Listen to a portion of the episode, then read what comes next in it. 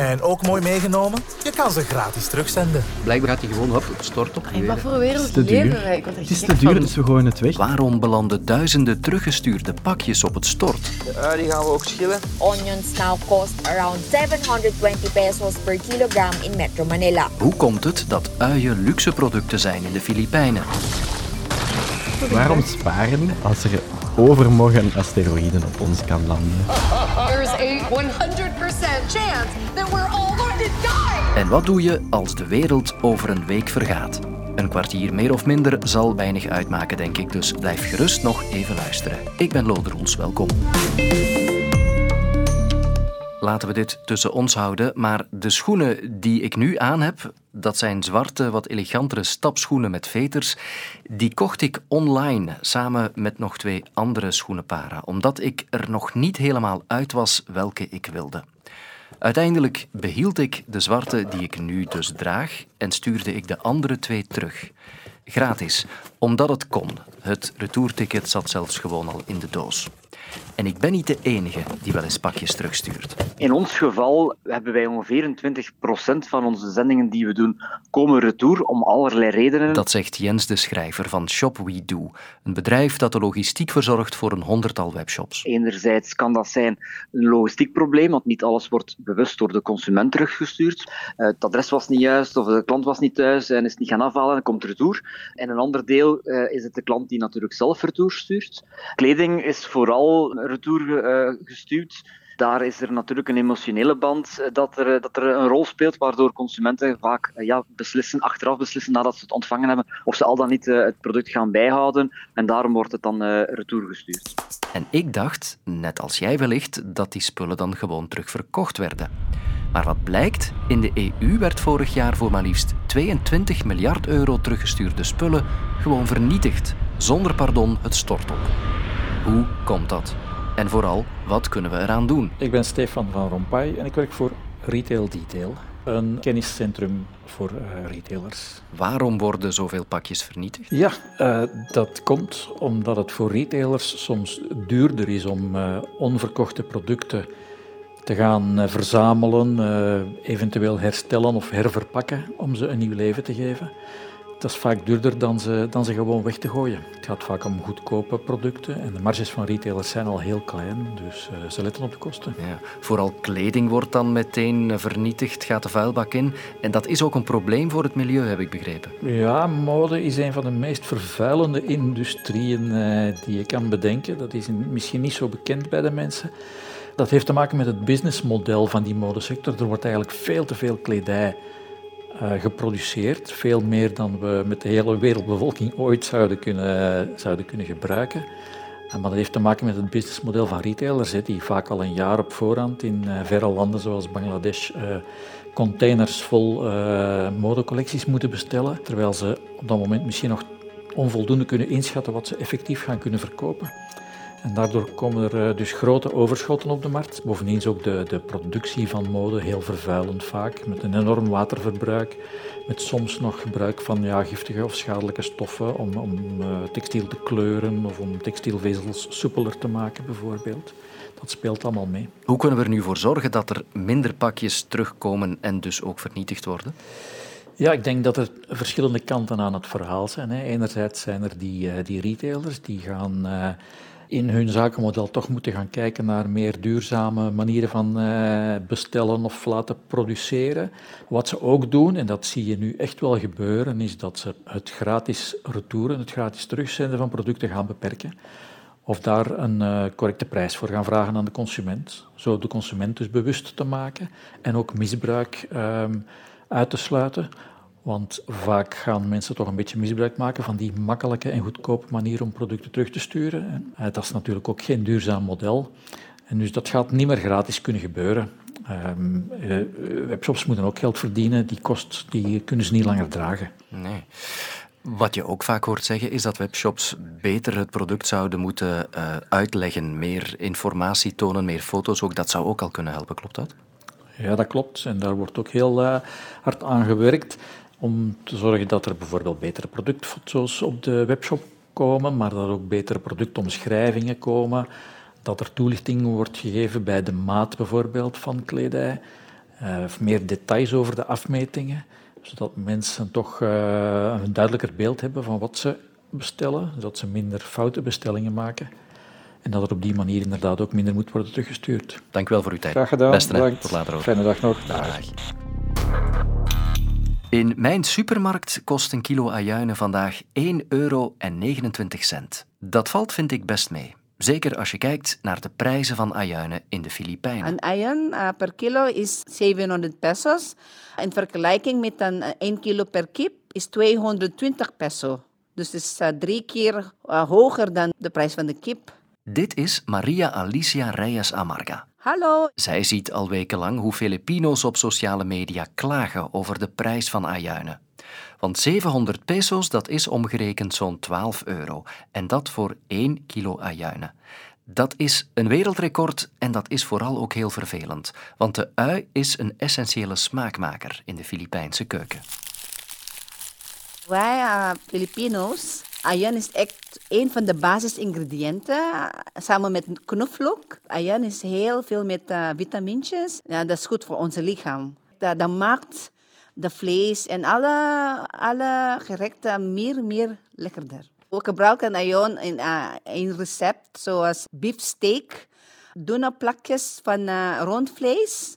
En dan knoflook. Als de rundvlees uh, bijna, bijna maal is, moet je zo sojasaus toevoegen. Als je ziet dat de rundvlees uh, een beetje smaakt met de sojasaus, uh, voeg maar die ajuin toe. Maar je moet eerst de ajuin snijden met een, zoals een ring. En dan de laatste ingrediënt is een uh, citroen, citroensap, zoals een uh, limonsap.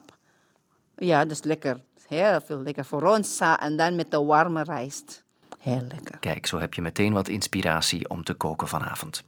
Maar voor veel Filipino's wordt dit recept nu wel een hap uit het budget. Waarom is de ui zo duur in de Filipijnen? Chris Janssens heeft de antwoorden. Hij is Azië-correspondent. Er zijn verschillende redenen waarom de uien zo duur zijn. Uh, een van de redenen is de inflatie, zoals overal ter wereld. Er is ook klimaatopwarming. Er zijn een aantal tyfoons geweest. Uh, er was een super tyfoon in september vorig jaar en die heeft heel wat oogst vernietigd. En dan zijn er nog een aantal kleinere redenen. Er wordt gesproken over uienkartels. Dus dat zijn producenten die eigenlijk de prijs kunstmatig hoog zouden houden, dus door een deel van de productie achter te houden. Uh, dat is een hele discussie in de Filipijnen. Ook de politiek moeit zich daarmee van wie zijn dat dan en hoe kunnen we die kartels uh, uitschakelen. Er is beslist om uh, meer dan 21 ton uien in te voeren. Dat zou het probleem op korte termijn moeten kunnen oplossen. En bovendien staat de, het oogstseizoen eraan te komen, want dat begint in februari. De verwachting is dat tijdens de komende maanden dat die prijs weer zou gaan dalen. En in de tussentijd bedenken mensen daar de gekste dingen om toch maar goedkoper aan uien te geraken. Er is ook een verhaal over cabinepersoneel van Philippine Airlines. Het gaat over 10 personeelsleden. En die zijn betrapt met 27 kilo uien in hun koffers. En die hadden die meegenomen van een vlucht uit de Verenigde Arabische Emiraten en nog een andere vlucht uit Saoedi-Arabië, waar die uien veel goedkoper zijn als je die prijzen vergelijkt. Dus dat cabinepersoneel heeft wellicht gedacht, weet je wat, we nemen een leuk cadeautje mee voor de familie. Maar die zijn betrapt bij aankomst en die zijn opgepakt en nu is het aan de, ja, de luchthavenautoriteiten om te beslissen wat er verder met die mensen moet gebeuren. Het is een groot probleem en het leeft ook bij de mensen uh, via internet op alle sociale media. Uh, ik zag ergens een foto van een meisje met een bruidsboeket van uien, omdat die dus zoveel waard zijn dat zij vond uh, dat ze met die uien op de foto wilde staan in plaats van een mooi boeket bloemen. Dus het leeft echt wel. Wij Filipinos, hè, als er een probleem is, we maken het zo krapje, dan is het niet zo zwaar om te voelen. Vanochtend werden we wakker met het nieuws dat een asteroïde zo groot als een vrachtwagen rakelings langs de aarde was gevlogen. Opmerkelijk is ook dat dat ding pas een week geleden werd ontdekt. De collega's van de ochtend op Radio 1 belden daarover met sterrenkundige Lindessen. Stel dat er een asteroïde op aarde afkwam en ons zal raken, dan uh, zullen we dat wel weten. Ja, nee, dat, dat, dat, dat, zal ik voor u niet uitsluiten. Oh, en toen schrok ik dus toch wel even. Want dat betekent dat het allemaal wel eens heel snel gedaan zou kunnen zijn.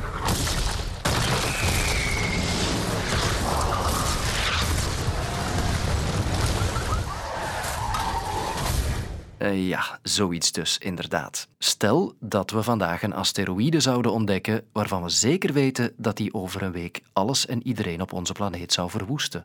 Wat zouden we dan doen? Een interessante en zwaarwichtige vraag die ik voorleg aan Injas de Vis. Ik ben hoogleraar medische filosofie en ethiek van de Universiteit Gent. En Frank van Overwallen. Professor aan de Vrije Universiteit van Brussel, gespecialiseerd in sociale psychologie.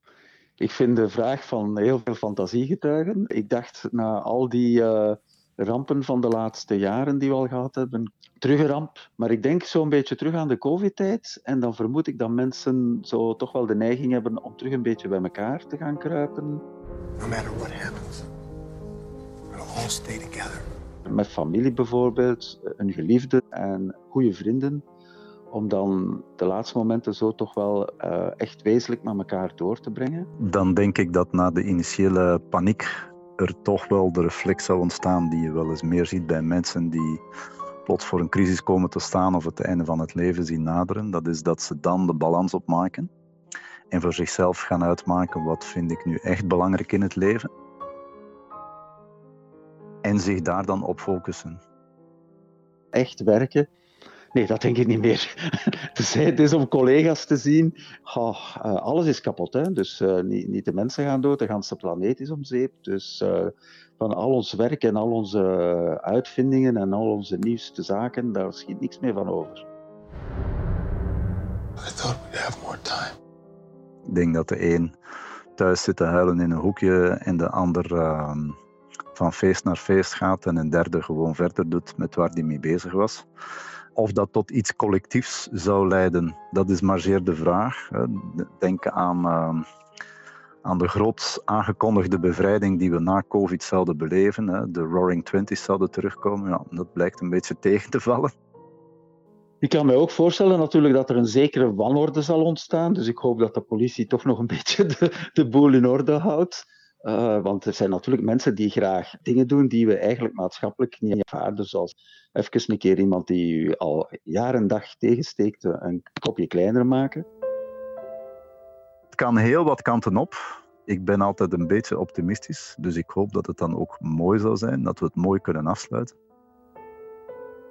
Als mensen dus in die dagen vooraf aan het einde met geliefden samenzitten, dan gaan ze toch wel heel persoonlijke dingen zeggen. Ja, ja, dat is het moment. Heel andere dingen lijken me zo wat nutloos, toch? Hè? Ja, ik veronderstel dat uh, toch stilletjes aan alles gaat stilvallen en er niet veel meer zal gebeuren. Ja, dat is mijn fantasie daarover. Ik kan helemaal fout zijn als het in het werkelijk gebeurt. Dan doen we misschien totaal andere dingen en uh, toch meer met angst en zo. Maar ja, dat gaat dan toch wel overgaan, denk ik. En mensen gaan toch uiteindelijk moeten accepteren. Wat we hier zien op, laten we zeggen, het Europese continent is toch nog een beetje de gedachte dat je eerst je hemel moet verdienen door hard te werken en pas dan van het leven te genieten. Ik denk dat nu vaak mensen wat zitten te mijmeren, s'nachts om één uur op café met die vervelende vraag, wat is de zin van mijn leven?